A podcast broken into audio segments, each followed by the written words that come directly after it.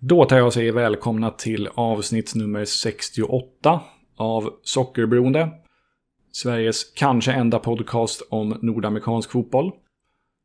Jag heter Johan Dykhoff och i det här avsnittet ska vi lära oss mer om fotbollen i det karibiska öriket St. Vincent och Grenadinerna. Jag har nämligen intervjuat Kyle Edwards som är A-landslagsman för just St. Vincent och Grenadinerna och till vardags anfallare i Hartford Athletic i USL Championship. Kyle Edwards föddes 15 januari 1997 i staden Barrowley i St. Vincent och Gardinerna. Innan flytten till USA spelade Kyle i både den lokala högsta ligan i St. Vincent och Gardinerna, och en sväng på Antigua and Barbuda. Kyle flyttade 2016 till USA för studier och collegefotbollsspel. Först studerade han på Ranger College i två år och därefter två år på University of Texas Rio Grande Valley. Kyle hade stora framgångar på fotbollsplanen under sina collegeår. På totalt 49 matcher under collegeåren gjorde han 42 mål och 15 assists och han fick ett flertal utmärkelser för sina prestationer. Inför MLS-säsongen 2020 blev Kyle draftad som nummer 86 totalt av Houston Dynamo, men fick aldrig något kontrakt med Houston Dynamos första lag. Istället kom han att representera det som på den tiden var Houston Dynamos farmarlag Rio Grande Valley FC i två säsonger. Och därefter gjorde han en säsong med Houston Dynamo 2 i MLS Next Pro.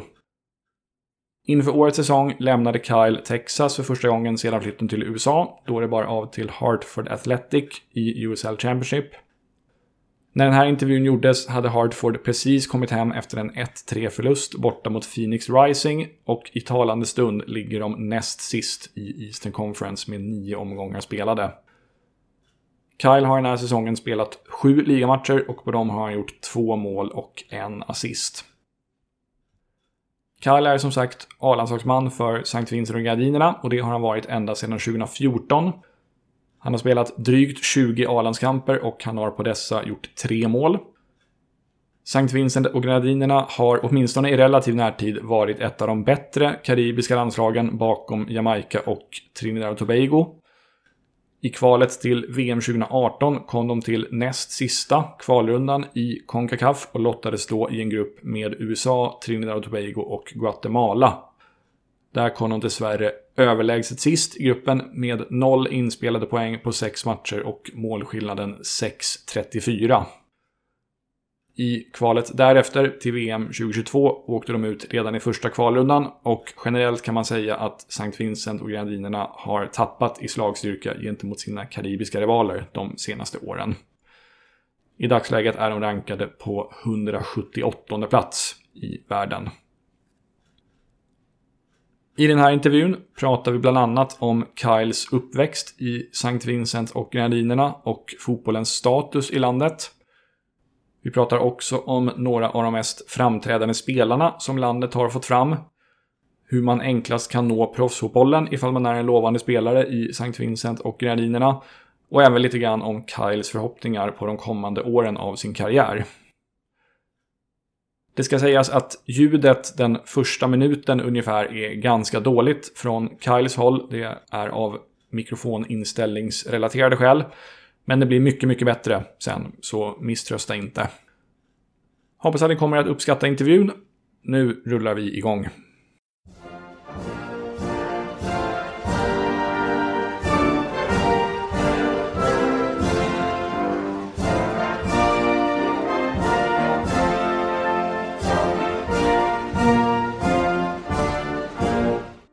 To start off, can you just talk a bit about your childhood and what role sports and soccer in particular played in your life as a kid? Uh, well, growing up, um, I was raised in a family of four, three boys and one girl. Um, single parent. My mom was just by herself. Uh, she basically she's basically my superhero. She she was always there for me. She always put her best foot forward for for me and my my siblings as well and um, but my my my other my older two brothers, my two older brothers, they also played soccer, but unfortunately they they got hurt and unfortunately they, they couldn't continue the career. So I was the one that basically took it to the next level as in get into the professional professional professional environment and I think for, for me um soccer has played like uh, a very important role because I'm able to help my family, help my siblings, help my friends, you know, give back a little bit to my community. Right, right. So, did you play any other sports uh, as a kid?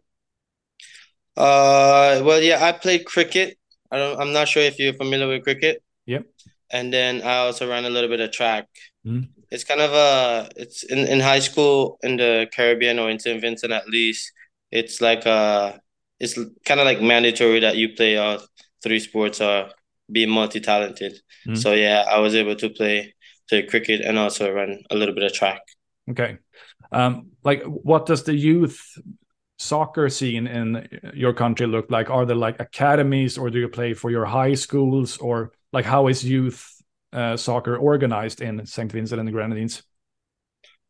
Well, for me, I was I was fortunate to be in I think one of the um, probably like three or four academies maybe in St. Vincent, and I think it was the best academy because that coach Ian Sardine he um he's done a lot for soccer in St. Vincent and also for the youth, as in helping players go to college and also um, getting players on trials and and a lot of different different um things pertaining to soccer. And I think he he he's one of those that that blessed the sport in in St. Vincent. So I was I was grateful for the opportunity to join to join his academy. Mm. It's not the best, but it's it's a step forward. Would you say that youth soccer has um, like developed and improved greatly in uh, in the last like let's say in your lifetime in your country? In let's see, from my my age group, I, I definitely think it has it has improved because there's there's been a lot of players in, um, around my age group who who went to college, who've signed professional contracts, but I think there's there's little tweaks that they could tweak, uh, maybe the federation or maybe the people in the in, on the island could tweak a little bit to make it better.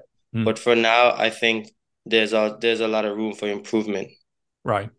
Uh, what what's the most viable and realistic path to the professional game for a promising player in St. Vincent and Grenadines today? Is it like is it your path like the, the one you took through college soccer or how do you see it?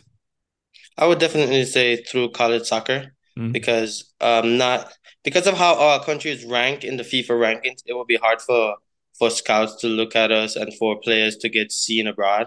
So I would definitely say college. And also with college, it's a win-win situation. You could always get a degree, and then you also get the opportunity to be a professional, and also experience um a different culture and environment. Right. Do you know if players um in your country are they like scouted by or let's put it this way do you know if uh, clubs from let's say jamaica trinidad and tobago do they scout players in st vincent and the grenadines i wouldn't necessarily say that i think it's just more connections hmm. like mm. if this person's person know this guy from jamaica he would be like okay i have this guy can you take a look at him but i don't think in in a broad picture that okay, they will be like, oh, I'm going to St. Vincent to scout. It doesn't really happen like that as often. It probably happen, but probably once or twice oh. in every few years. I see. But like, yeah, I think it's a little bit of to has to do with connections. I see. You meant you talked a bit about uh, which sports you had uh, you played as a kid. How popular would you say that soccer is in St. Vincent and the Grenadines compared to to other sports? I think soccer is definitely number one, and I would speak for the Caribbean in in a in a whole. I think soccer is definitely it's the top sport. Um, majority, at least 90 percent of the the boys play it, and the girls are the girls are getting better. Mm. But I think I would definitely say soccer is the number one sport in St. Okay. Vincent. Okay. Um, I know that you played in uh, the Premier Division of St. Vincent and the Grenadines before moving abroad. Uh, or correct me if I'm wrong, but I, I, think that's the case. Like how how good and well organized is the league in your country? Would you say? It it has gotten much better over the years, but I think there, there's a lot of there's a lot of good parts about it. Uh, as I said, with with my coach and uh, my community, um, the people who are actually in control of uh, the, the head of those teams or those academies, Mm. they actually love the game and they're very passionate about the game. And they're also very in tune with youth development. So I was one of the lucky ones to have been able to um be under those umbrellas where these people care so much about soccer. And then they, they, they put me in the best position to to succeed. Right. Like at what age did you play in the Premier Division in the St. Vincent? I started playing uh the Premier Division at age 14. Mm. Yeah. And then you also played in uh, was it Antigua and Barbuda? Is that correct? Yes, definitely. I, I played a season in Antigua. It was it, it was a successful season as well. Mm. It was um very nice to I finally like see different because that was my first time like playing outside of St. Vincent and the Grenadines, and it was actually it was fun. It was very competitive, and I think the league over there has grown as well, putting into media wise and the soccer in general because they're now starting to bring in more uh, foreign based players, and it's it's I think it was it was a it was a really good step for me. And then you moved from there to the United States. Is that, is that correct? Yes, sir. Yeah. How did you how did you get the opportunity to go to the US to study and play college soccer? Yeah, it, it went back. It goes back to my uh, my academy coach as well, Ian Sardine. He was the one that had he he had a connection with with this guy who who at Ranger College. So Mhm. he sent some girls out, and the girls were doing well. Like thank God for that. The girls were doing well. So he's a the guy starting to get curious, and he, started asking about, okay, do you have any guy players for the guy team? So he ended up sending uh, a couple guys as well. I think it was like four four of us guys, and that that's how I got the opportunity to go to Ranger College. I noticed that they've they've had a lot of Caribbean players, like Jamaicans, and also from from your country, St. Vincent and the Grenadines over there. So there, there's ba- that's basically because of connections between the coaches at the college and the coaches in St. Vincent. Then, Yeah, mo most definitely. And I I could I could vouch for a lot of the Caribbean players. Like you would definitely say there's a lot of talent in the Caribbean. We Mhm. just have to put the worth the work ethic along with it. And I think a lot of uh Caribbean players would get a lot of opportunities or a lot of fair chances as well. Mhm. So I just think we we we as Caribbean players need to put in the work, put in the work to to secure and to go further in our careers. right? So you spent two years at Ranger College and then two years at uh, University of Texas Rio Grande Valley as well. Uh, if you look back on your college years, uh, what did those years mean for your development, both on and off the soccer pitch? I would absolutely say those are what uh, those were some of the most memorable and some of the the best years of my life because Mhm. it actually taught me a lot. It taught me about like different cultures, um, meeting different people. Because I was never in an environment where I was like multicultural, um, Hispanics, white, all, all these kind of stuff. And I think that that made me see things a little differently, you know, understanding people a little bit more different and also understanding the, the game of soccer on a different level too. It was much better, higher pace. And then as I moved on to, to RGV, it, it, it went it went up more as well. Mm. So I think those were the the very key stepping stones of my of my life. And I think I was I'm actually grateful for the opportunity to go to college as well. So I can so I can basically take steps towards being a better professional soccer player because probably if I would have just moved straight from from St. Vincent and going straight into a professional environment, that would have been more difficult, you know. So I'm very grateful for the the path of going to different colleges, which it was be like step, step, step by step Mm. to get into where I am today. Yeah. And you were tremendously successful in college as well. You scored uh, tons of goals and had a lot of assists as well. Like, was it difficult not to get like carried away because of all your success in college? Yeah, well, I, I I always say like as a kid, um, every as long as I get an opportunity, I'm I'm not gonna waste it.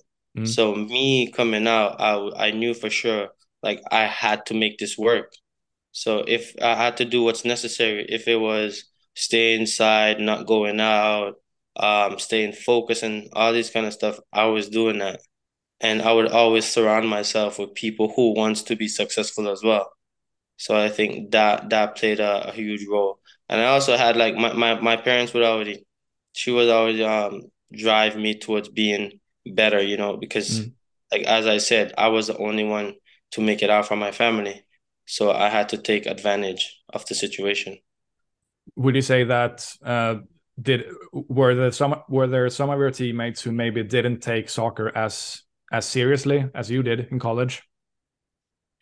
No, I, I, actually, we the the players that Ian Sargent sent out, we all was actually focused, and I, Mhm. that's why I'm, I'm very grateful for them as well, because they were always we were always pushing each other, you know, making us better. But it was just unfortunate. I was the youngest out of all of us, so I had the opportunity to go D1, and Oh. they couldn't because they were a bit older, and then NCAA rules, so that's where they kind of fell short. But besides that, like anything has to do with football in a school, we would always support each other. Mm. And that's that's was that's that's what I said was that's what I would say was one of the most important things in the people that Ian Sargent sent out. I think he didn't just send good soccer players out, he also sent players who who are focused, who are hardworking, and who knows how to get stuff done. So that's why I think when he sent us the, those players out, he he did a, a tremendously well job in doing that. Mm.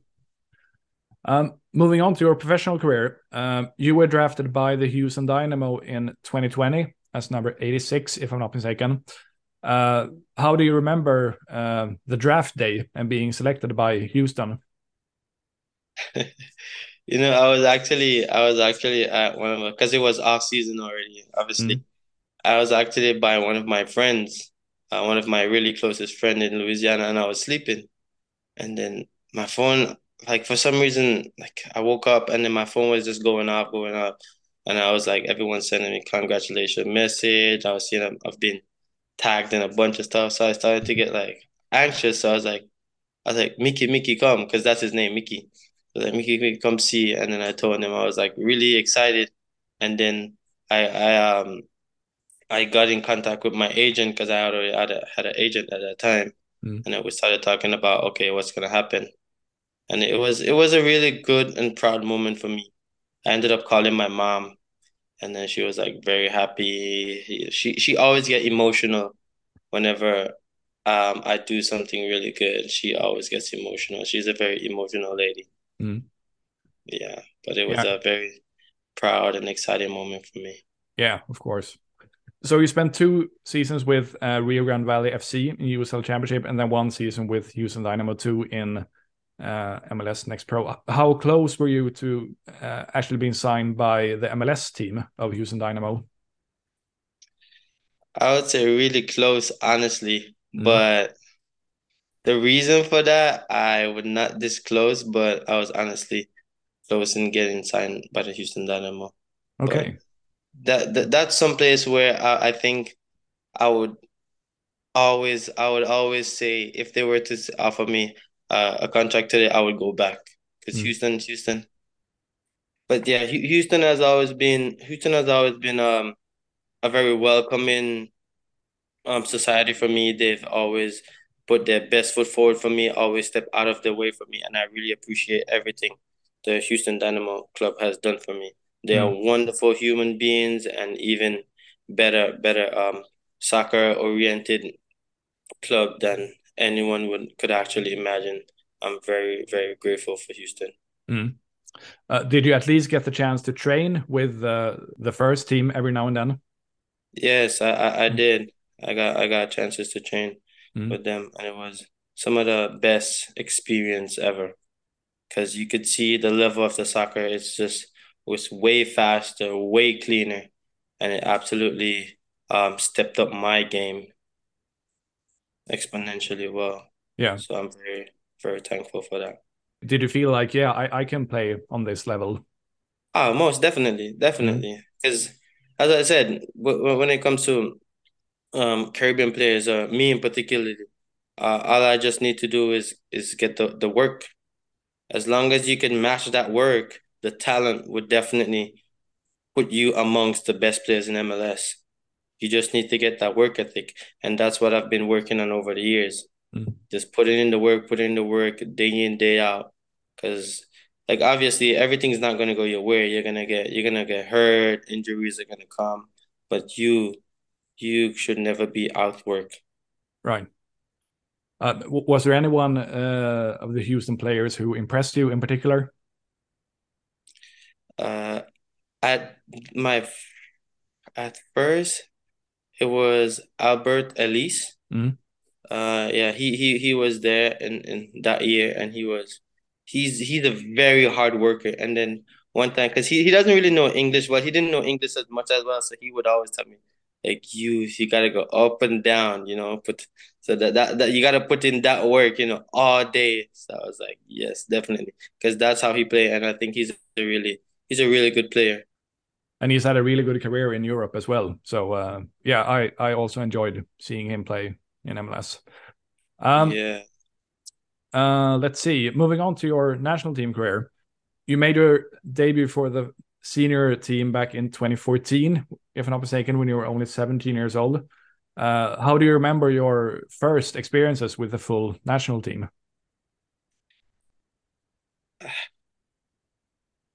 It was it was a great experience, and as I said, I always surround myself with with people who can help me grow. Mm-hmm. So in those times, as a young player coming in the team, um, I had players like um, Myron Samuel, uh, Doran Hamlet, uh, Oalex Anderson. D- d- these people are the people that I surrounded myself with, and they made it easier for me to not be nervous. You know, so I think having them around uh, made me feel more at home, like it was just another club game in St. Vincent, and it made me go out there and then I did I did my best, and I mm-hmm. think we, we actually won that game 4-0 against Anguilla.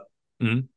Uh, had you had you played uh, for like the the youth national teams as well before that? Yes, I played uh, the U twenties, and I also played uh, the U twenty threes. Right, right. Um, what are uh, some of your best moments with uh, the national team so far? Like your fondest memories playing for your country? I think just just being with the the guys mostly, because you, you you could learn a lot being being around a national team. Well, if you're willing to act, mm. at least. And I was willing to because at that time it had like a few players playing um playing in MLS and USL. Um, and you, you can actually learn a lot being being around a national team. And I think I took the most from it, like learning from my peers. And uh, up to this day, there's a lot of things that I learned back then that I still portray into my everyday life and in into my career. Is it fair to say that St. Vincent and the Grenadines is one of the stronger Caribbean nations, maybe excluding Jamaica and Trinidad and Tobago? Uh, I would say yes, but it's uh it's all in the mentality. Mm. The, the mentality. I, th- I think St. Vincent we don't have that hunger mentality. You know, we're we're a little bit laid back because, as I said, um, we have the talent, but I think we if we can get that work ethic up, like a Jamaica or Trinidad and Tobago, we we could compete. We can compete with these with these teams. Mm. How do you think? Uh, what what you need to do to achieve that? Then, like, what what's the key to being more, to not being as laid back as you describe describe it?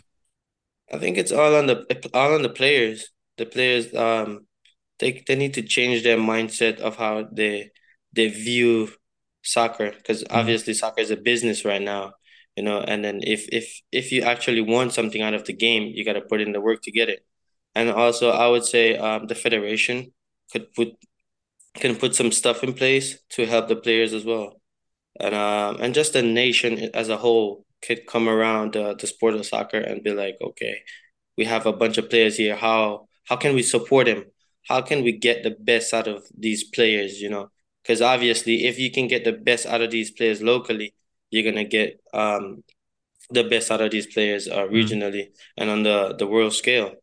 So I think it's just everyone that in the Caribbean, whether it's the government, small businesses, you know, whatever whatever they can do to sponsor or help out the football federation to to put things into place for the players. I think that would be that would be the tipping the tipping um scale for for for for we to compete amongst the the better Caribbean teams. Right. Do like the fans and maybe also media? Do they like make strong enough demands? Like, do, do they demand enough from you as, as a national team?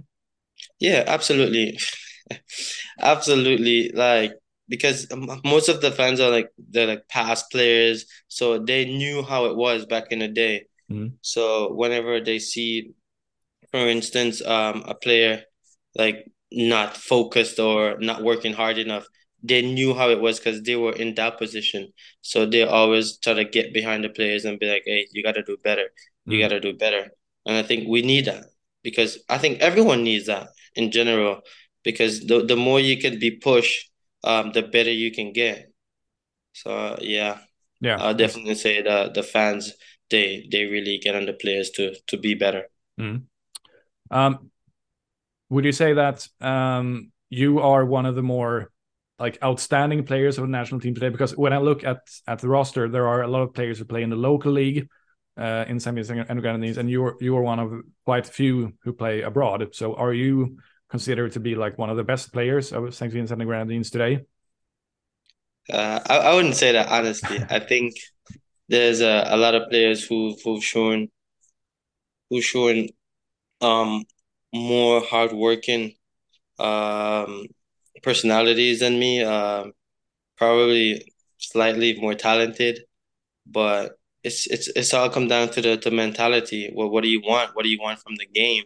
Mm. And I think when it comes to that mental side of the game, I think I would say like I'm one of those players who who are mentally locked in. So that that gives me the um the edge on some of these players. Mm. But I think that, that there's a lot of great players there. Yeah, can you name some of them for those who aren't aren't that familiar with Saint Vincent and the Grenadines national team? Um, I would say um, like uh, Myron Samuel, uh, Cornelius Stewart, uh, mm-hmm. Solomon, Oalex Anderson. These, these these are the players who who I think were really who I think are really um gifted. Gifted. They had speed. They they can finish. They they they um they got they got a lot of skills. Very talented players. Mm. But it all comes down to mentality, you know.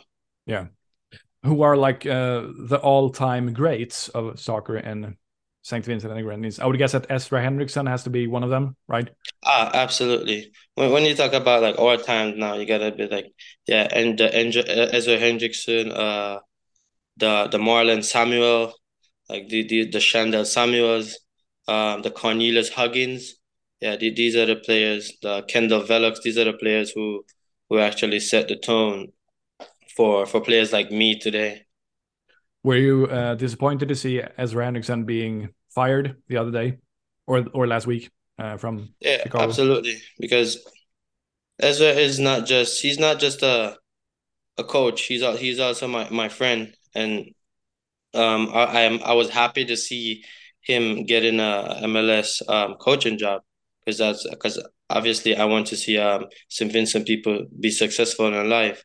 Mm. So it was it was a really unfortunate. It was really unfortunate um, to see him um, losing his job. But you know, life happens. Life happens. We just gotta get back on and keep riding.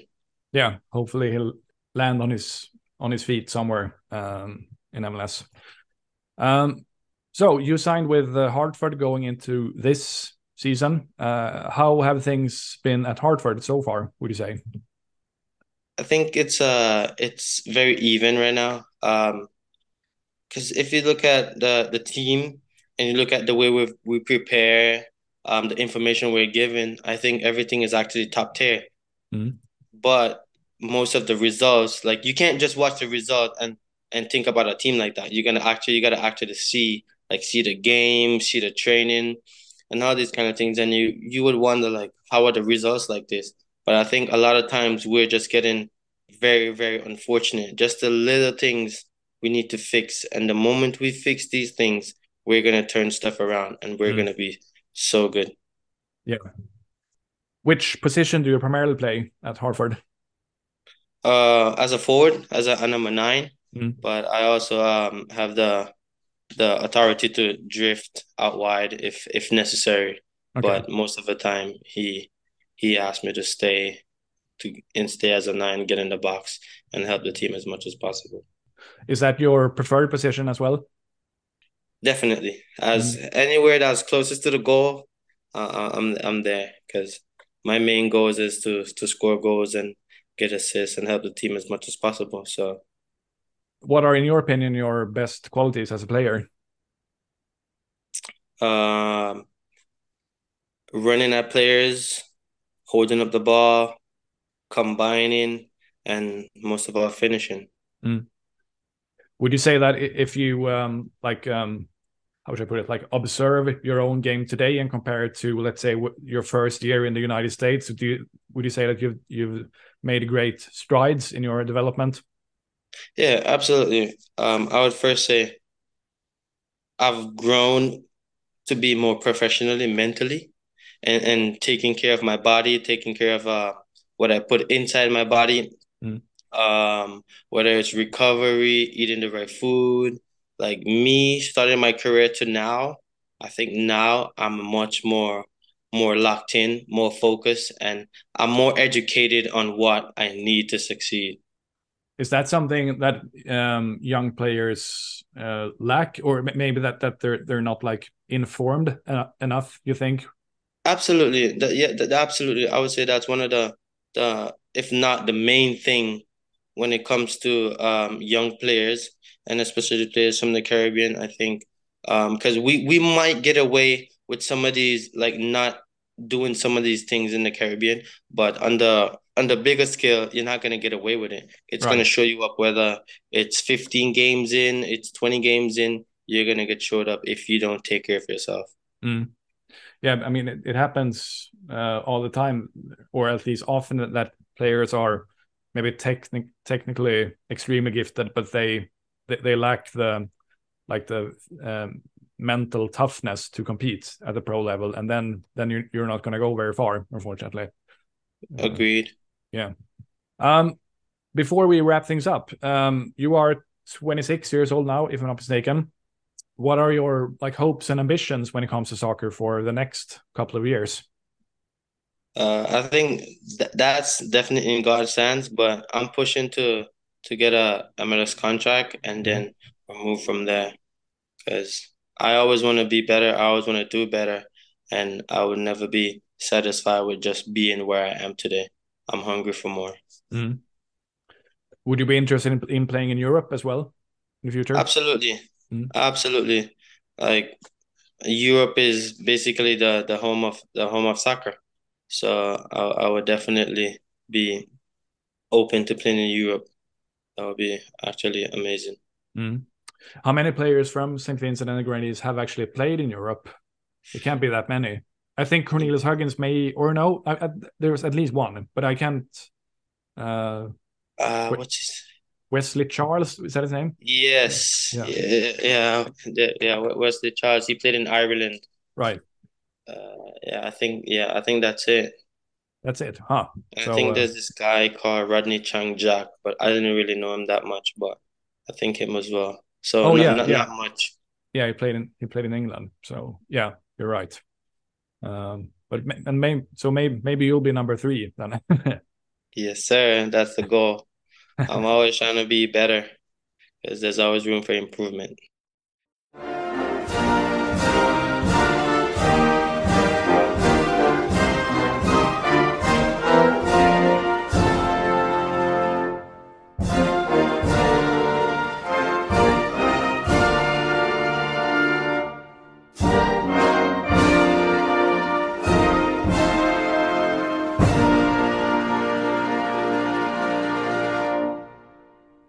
Sådär ja, då tar vi och tackar Kyle Edwards för att han tog sig tid att ställa upp på den här intervjun och vi önskar honom all lycka framöver. Såväl i Hartford som med Sankt Vincent och Grenadinernas landslag och kanske i Europa i framtiden. Vi får väl se vart hans karriär tar vägen. Tack så mycket för att ni har lyssnat. Hoppas att ni tyckte att det här avsnittet var intressant. Eh, jag har för avsikt att göra fler avsnitt av den här typen som fokuserar på små Concacaf-nationer för jag tycker det är väldigt kul att lära sig mer om dem. Eh, tack för nu. Ha det så bra så hörs vi igen i kommande avsnitt. Tja tja!